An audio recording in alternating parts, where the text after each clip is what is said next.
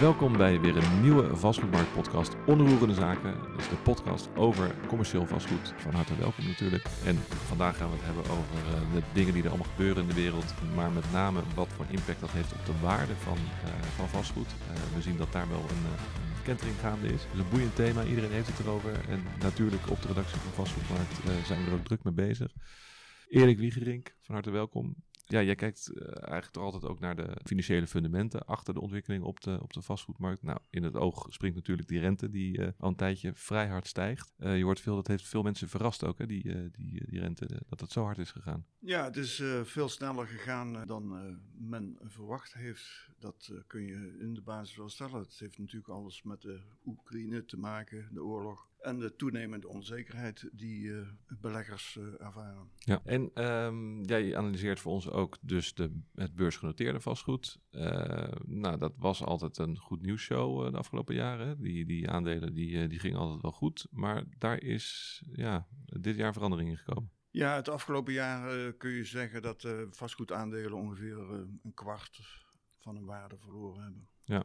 En dat, wat is daar de boosdoener van? Het is uh, licht voor de hand, de rente. Ja. En, en, met name dat beleggers weer een uh, goed alternatief hebben in obligaties. Ja, ja, ze ja. kijken gewoon uh, sec naar die aandelen. Ze, ja, de, de, de, de verdisconteringsvoet van wat gaat het opleveren aan huren, et cetera. En wat kan ik als ik een aandelen of een obligatie stap en dat wordt in het algemeen als uh, vrij veilige beleggingen gezien. Ja, nog dus, veiliger dan vastgoed, zeg maar. Uh, ja, dus kiest men voor uh, obligaties. Zie je dat over de, alle sectoren breed, zeg maar, alle ja, vastgoedaandelen? Het meest opmerkelijke vind ik dat logistiek zo'n vrije val maakt.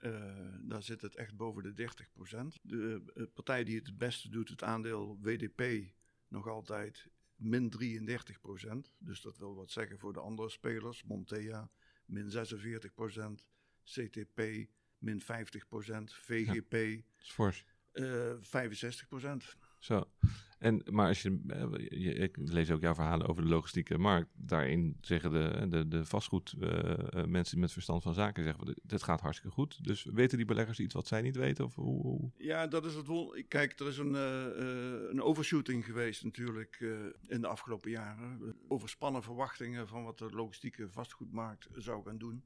Daardoor liepen die koersen enorm omhoog. Veel hoger dan alle andere categorieën, dus uh, uh, uh, kantoren, woningen, retail. Dat, dat is een deel van het effect. En een deel van het effect is iets wat heel verstorend op de markt heeft, of in ieder geval een schrikreactie heeft teweeggebracht, is de, de deal die VGP had, groot Belgische vastgoedbedrijf, met Allianz. Allianz, de, de Duitse verzekeraar. Mm -hmm. daar is een deal die ze hadden die is niet doorgegaan van 1 miljard. En dat is als een soort waarschuwingsbel ook uh, door de sector gegaan. Van uh, de deal is niet helemaal van de baan, maar uitgesteld omdat ze het niet konden eens worden op de prijs. En dat is het hoofdprobleem op dit moment. En ook niet alleen uh, in de logistieke markt, maar überhaupt in het vastgoed. er zijn bijna geen transacties. Iedereen zit op zijn handen te wachten wat, ja, wat de rente verder gaat doen. Voordat de zaak kan verbeteren, zal eerst de rente moeten stabiliseren. En daarnaast is de grote vraag: wat gaan de yields doen? Ja. Die staan uh, enorm onder druk om weer te gaan stijgen. Ja, ja en de, de, de prijzen zullen uiteindelijk moeten gaan dalen. Maar de, de... Ja, mijn, uh, verwachting, de, het, uh, mijn verwachting is dat er toch, ja, denk dat het conservatief is om te zeggen dat de waardes in het algemeen in de directe markt met min 20% gaan moeten dalen. Om het plaatje weer rond te krijgen. Want dat is het hoofdprobleem. Vooral in het uh, core vastgoed met lage aanvangsrendementen, zegt tussen de 3 en de 5 procent. Het financieringsplaatje zit al boven de 5 procent. Dus je kunt het gewoon niet rondrekenen nee, meer. Nee, dus nee. De, de, de, er is geen, helemaal geen ruimte nog uh, nee, meer. dus de waardes kunnen alleen maar dalen. Ja. Zo simpel is het. Ja, en, je, en, je, en jij hebt dus die 20%, dat gaat om alle vastgoedcategorieën, zeg maar. Ja, dat, het is een hele ruwe schatting. Ja. Ik, ik, ik relateer het ook in de... Kijk, in het algemeen kun je uh, stellen dat wat op de beurs gebeurt, dat dat met enige vertraging in de directe markt gebeurt. Nou, de daling is zo'n 25%, dus laat hem een deel van het slechte nieuws is al ingeprijsd, ook in de directe markt. Ja, precies. Want ik heb Ja. het over een periode van een jaar, dus ja, Dus die, die beleggers op de beurs, die hebben dat eigenlijk al ingeprijsd, die waardedaling van het vastgoed. ja. Oké.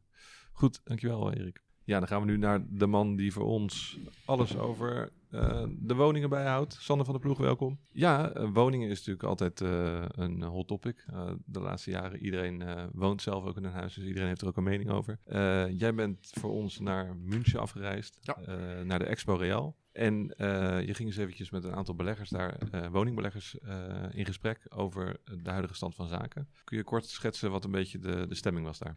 Nou, toch wel zorgelijk hoor. Ja? Eh, ja, het, hangt er wel een beetje vanaf met wie je praten, maar de zorg over is wel.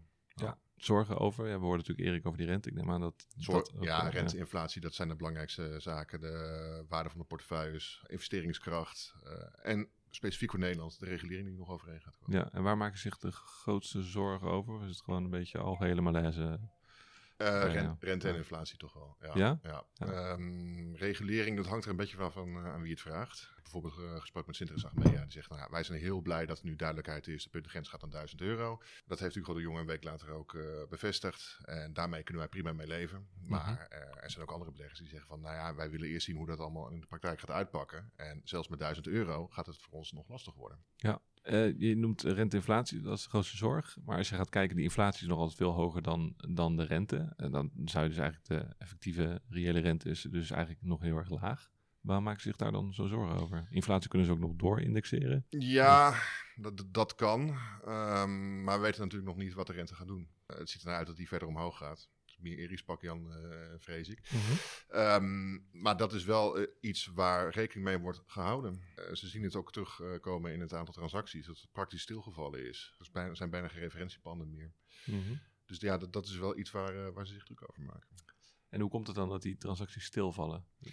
Er is niemand die ver- wil verkopen of niemand die wil kopen op dit moment? Onzekerheid. En dus maar komen, er worden geen panden aangeboden. Of worden er wel veel panden aangeboden? Er worden veel pannen aangeboden, Ja. eh, maar het aantal kopers blijft, eh, blijft terug. Ik sprak met een, eh, met een belegger die zei van, nou ja, als wij wat te koop zetten, dan kwamen daar tot nou, een jaar, anderhalf jaar geleden, kwamen daar 50 kopers op af. Nu mogen we blij zijn met vier of vijf. En dat komt omdat die koper bang is iets te kopen wat binnenkort minder waard is, waarschijnlijk. Ja. ja. Ja, iemand zal een beweging moeten maken. Iemand zal beweging moeten maken. Ja. En ja, de vraag is wie dat natuurlijk gaat doen. Dat is natuurlijk de grote vraag. En als het gaat om bijvoorbeeld ontwikkelende beleggers, die zeggen van ja, er moet wat gebeuren aan de grondprijs. Die moet omlaag. Eh zeggen ook de aanneemsommen moeten omlaag. Dat zal volgend jaar gaan gebeuren, zeggen ze. De vraag is of dat inderdaad ook gaat gebeuren. Maar iemand zal moeten gaan bewegen. En op dit moment zien we eigenlijk dat iedereen een beetje stil zit in afwachting voor de anderen om te gaan bewegen. Ja, ja. Maar je zou toch ook kunnen zeggen dat woning is een eh, best wel een stabiel beleggingsproduct in, in Nederland. Want je, je belegt voor een hele lange termijn. Mensen zullen altijd moeten wonen. Ja. Eh, Nederland is een welvarend land. Eh, over het algemeen betaalt iedereen hier zijn huur, hypotheek goed. Ja, het is toch eigenlijk gewoon een, eh, gewoon een goed product om te kopen, ongeacht eh, de prijs. Ja, Dat, eh, dat, dat hoor ik ook hoor. Ja. Ehm, ik heb ook met beleggers gesproken die zeggen van, ja goed, als jij een, een belegger bent met een lange beleggingshorizon die al jarenlang ervaring heeft op de Nederlandse markt, laten we alsjeblieft een beetje reëel blijven en niet gaan panikeren. Want het lange termijn rendement, dat zit er ondanks alles nog gewoon erin. Alleen Ja. als jij met veel vreemd vermogen, met een korte beleggingshorizon in hoogbouw gaat investeren, dan heb je wel een groot probleem. Ja, maar is zie je een soort tweedeling ontstaan dan tussen partijen die minder van vreemd vermogen afhankelijk zijn en die op een lange termijn erin zitten en die, en die partijen die je net noemde? Ja, dat, dat, eh, dat, dat is, denk ik wel het geval. Kijk, als je voor de korte termijn erin zit en je moet snel rendement gaan halen, ja, dan is dit het, eh, een, een slechte periode wat dat betreft. Voor een langere termijn, ja, de dagwaarde van je portefeuille maakt dan op zich niet zo gek veel uit, eh, zeggen beleggers dan, dan tegen mij. En ik heb ook met beleggers gesproken zeggen van, ja, misschien is het ook wel fijn dat dit gebeurt, want de vorige situatie was ook niet ideaal. Pannen die tegen een hele hoge prijs moeten worden aangekocht, eh, kwaliteit die onder druk staat. We zitten nou in transitie, we zullen een nieuw evenwicht moeten gaan vinden. Ja, en wanneer komt die, dat evenwicht? Ja, als ik dat wist, dan, eh, eh, dan kom ik denk ik wel in aanmerking een Pulitzer. Nee, ehm, volgens sommigen zouden we volgend jaar zomer meer duidelijk moeten zijn. Oké, dus tot die tijd gewoon in een diepe winterslaap en eventjes niet meer naar buiten gaan. Sommigen zeggen van wel, sommigen zeggen van niet. Maar ik denk dat dat in de praktijk wel zal meevallen. Hoor. Oké, nou, we gaan het zien. Dankjewel, Sander. Ja, worden Sander over, uh, er moet een nieuw evenwicht komen. Uh, Peter Hanf, jij hebt, ja, je hebt gekeken van, nou, als je ook naar de historie kijkt, dergelijke ontwikkelingen hebben ze natuurlijk vaker voor gedaan. Dan kunnen we de vraag stellen, wanneer komt de correctie? Uh, wanneer komt die dan? En daar heb jij een analyse op, op gedaan. Kun je die met ons delen? Uh, jazeker. Ja. Um, ik heb eerst eens gekeken van, hoe, hoe gaat het nou eigenlijk met de transactieflow? Wordt er nog gehandeld? Ja. Uh, nou, Huib Bassevin, die had daar wat over gezegd, topman van Annexum in uh, de Zuidas Today talkshow. En die wist te melden dat van de twaalf acquisities die hij in de pijplijn had, waren er elf niet doorgegaan. Of stonden onhold in ieder geval. Mm -hmm. dat, uh, daar kwam niet zoveel van terecht. En um, dat had allemaal te maken met um, rentestijging. Nou, daar heeft Erik het ook net over gehad. En um, we zagen ook andere signalen. Uh, de, de, waardering van uh, kantoren, of liever gezegd uh, de, de aanvangsrendementen, daar had de zelfs een analyse op losgelaten. En ja. vond die aanvangsrendementen toch wel een beetje aan de lage kant. Mm -hmm. En dan vraag je je af, ja, hoe erg is dat nou eigenlijk? Nou, dan gaan we naar Nederland toe. En daar heb je een heel mooie kantoorontwikkeling en die heet Tripolis, vlak bij de Zuidas. Sommige mensen zeggen op de Zuidas, mm -hmm. daar kun je over twisten, maar ja. vooruit. En um, daar had Blackstone toch een heel mooi uh, hapklaar broodje in de aanbieding. Uh, in de vorm van een high-tech kantoor met Uber en de brouwer Blackstone Westbroek als, als huurders. En dat zag er helemaal prima uit. Prachtig ontwerp. En ze hadden het ook al bijna verkocht aan Allianz voor ah, 600 miljoen euro. Daar is Allianz weer. Die koopt niet veel de laatste tijd. nee, die, die ja. verkopen ja. tamelijk veel. En ja. dat, he, dat heeft ook een reden, want die, die hebben in Amerika een, een groot probleem met een rommelig beleggingsproduct. Ja. Uh, ze hebben uh, opties verkocht met een enorm risico aan uh, pensioenfondsen voor leraren, buschauffeurs. En nou, dat bleek Oh, dus ja. allemaal niet zo goed te gaan. En hebben ze een boete voor moeten betalen. Ja, zoiets van 6, 6 miljard. Oké. Waarvan eh 5 miljard schadevergoeding eh, voor de eh, 114 eh, eh, ge- gedupeerde institutionele beleggers. Ja. Nog een miljard eh, voor de SEC. Kortom, er moest eh, grof worden afgetikt. Zo, dat is gigantisch. Zes Ja, miljard. dat is enorm. Ja. Alleen, en dus dat verklaart misschien ook wel dat, dat gedoe over die, die logistiek die ze niet gekocht hebben. Maar ehm, dan kun je natuurlijk zeggen, ja, dat is, eh, dat is pech. Ja. Alleen, normaal gesproken zouden er achter Allianz wel een paar kopers klaarstaan natuurlijk. En die zijn er nu niet. Die zijn er niet. En wat ik begrepen heb, is dat eh, Tripolis van de markt is gehaald. En dat, eh, ja, Blackstone heeft natuurlijk ook niet zo'n haast. Want die denken, ja, we hebben gewoon, we hebben huur tenslotte. Ja. Maar het geeft wel aan van, nou, dat eh, wat ze gedacht hadden, die 600 miljoen, eh, dat zal helemaal niet gaan worden in deze markt. Dus er zal ook, eh, is bij jou weer de conclusie, iemand zal een beweging moeten gaan maken. Er moet iets gebeuren Ja, in die waardes. Ja, eh, en dat duurt even. Dat heb ik dus gevraagd aan, aan Piet Eichholz. Van, om te beginnen van, ja, is het inderdaad de wetmatigheid dat die, dat die waarden omlaag moeten? Nou, daar is hij vrij, ja, natuurlijk, de economen die gebruiken altijd ceteris paribus clausule, dus al, als al het andere gelijk blijft. Ja. Dat is natuurlijk nooit zo, maar de, de wetmatigheid is er natuurlijk wel. Dus ja, dat duurt even. Dus water, wetmatigheid is eh, rente omhoog, eh, waardes omlaag. Als al, al het Ja. andere gelijk blijft, ga ik het zo over hebben, want het is natuurlijk niet zo. Maar eh, wat je in eerste instantie ziet, is dat dus de liquiditeit een beetje stilvalt. Nou, dan zie je de woorden van Passevin, die zegt van ja, die, eh, Dat is die onzekerheid. Want mensen zeggen van ja, er moet iets gebeuren aan die prijs. ja en oké, hoe lang duurt dat dan? Mhm. Nou, heeft eh, Piet Eichholz doorverwezen naar eh Dorin van Dijk. Dat is een, een, een econoom of een analist bij de Nederlandse Bank. Die heeft daar weer onderzoek naar gedaan, samen met collega-onderzoekers uit Amerika. Eh, de meest vergelijkbare periode was natuurlijk de kredietcrisis, omdat in beide gevallen heeft het iets te maken met, met de beschikbaarheid van vreemd vermogen. Er zijn natuurlijk ook andere eh, schokken geweest, maar zoals de coronacrisis, die leent zich niet zo goed voor een vergelijking, maar Ja. eh, kredietcrisis wel. En dan is het prijsaanpassing, ja, het zal dan minimaal anderhalf jaar duren vanaf het moment dat de liquiditeit stilvalt. Ja, ja. Nou, daar heb je het dan over, ja, stilvalt in ieder geval. Dus dat, dat is die volgend jaar zomer die eh, Sander al noemde. Ja, Ja. dat klinkt redelijk aannemelijk. Misschien dat het nog wat langer duurt. eh, want we hebben het over die acquisities van Huip bijvoorbeeld. Dat was eh, april of zo. Ja. Dus dat ja, zeg het maar. Dit- dit- dit- het, kan, het kan best nog even ietsje langer duren dan. Maar op, op een bepaald moment, ja, dan moeten mensen toch wel door met hun, eh, met hun business. Dus, Ja, en dan is die, zeg maar, de nieuwe realiteit is dan ingedaald van je vastgoed is minder waard, deal with it en je moet door. Ja, met die verstande natuurlijk dat we de rente natuurlijk, zoals Erik ook al aangaf, uh, ja, nog niet klaar is met bewegen. Ja, dus niemand weet wat die nieuwe waarde dan moet worden. Nee, je zou je dus nu zeggen van nou, als je, als je nu een renteschok hebt, uh, ja, dan, dan voordat je dit verwerkt hebt, ben je anderhalf jaar verder. Alleen, we zijn misschien nog niet klaar. Ja, ja.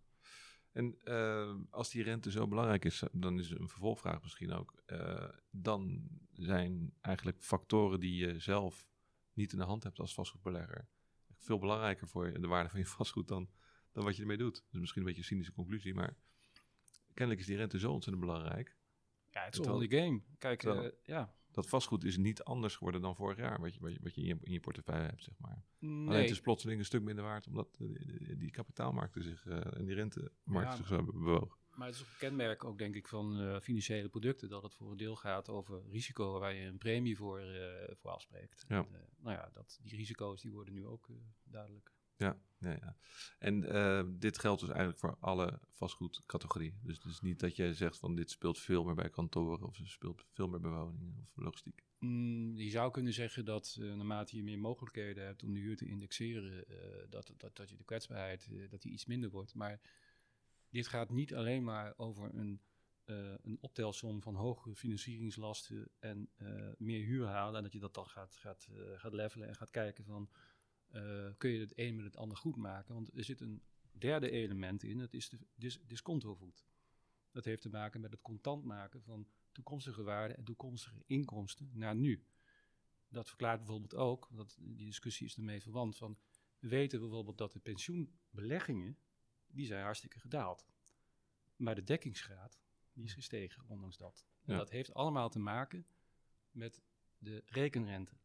Dus dan kun je nagaan hoe krachtig die parameter is. Ja, ja, ja. Doet bij wijze van spreken ja, heel veel van de indexatie die we nu kunnen verwachten, of in ieder geval waar ze op hopen, teniet. En eh, je zei, dit is de situatie, want je hebt eigenlijk je vraag beantwoord. Hè? Wanneer komt de, de eh, correctie? Nou, over anderhalf jaar. Maar als alles gelijk blijft. Maar ik hoorde al een beetje aan je dat dat niet per se zo hoeft te zijn. Nee, want je hebt natuurlijk te maken ook met, wat ik net al zei, die, eh, die, die indexatie van die huren. En die, eh, die maakt natuurlijk een deel wel, wel goed. Ja. Eh, als je het afzet ook tegen hogere financieringslasten, dan is het natuurlijk een beetje lastig, omdat niet iedereen financiert evenveel als ze het al doen. Dus dat zal een, wel een enigszins dempend effect hebben. Maar ik heb zelf het idee, ik kan het niet modelmatig of rekenkundig onderbouwen, maar dat, dat die, die verandering van die discontovoet, dus het contant maken van toekomstige inkomsten, uiteindelijk veel zwaarder weegt. Ja, ja. ja. Dus zwaarder dan wat je zou verwachten bij hoge inflatie kan je doorindexeren. Eh, Ja. En uiteindelijk wordt je vastgoed dan minder waard. Of meer waard, sorry. Ja, maar dan moet je ook wel eh, heel veel indexeren. Ja. En eh, ik, ik weet niet of dat altijd zal gaan. Eh, in de woningmarkt is het de overheid die zegt van, nou, daar hebben we methoden en technieken voor om te zorgen dat het niet gebeurt. En in eh, de kantoren en de retailmarkt eh, heb je denk ik uiteindelijk ook een bepaalde kwetsbaarheid. Want mensen kunnen natuurlijk weer overstappen naar andere kantoorpanden of retailpanden.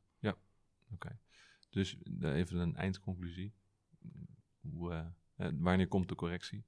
Ik Dat denk, weet je dus. Ja, ik denk wel binnen, eh, binnen anderhalf jaar dat we in ieder geval meer weten. En vanaf dat moment ja, zo, kan het nog zo lang doorgaan als dat de, de rente stijgt. Ja, dus dan gewoon, we moeten naar dat rentepercentage blijven kijken. Houden we in de raad. Oké, Ja. dankjewel Peter.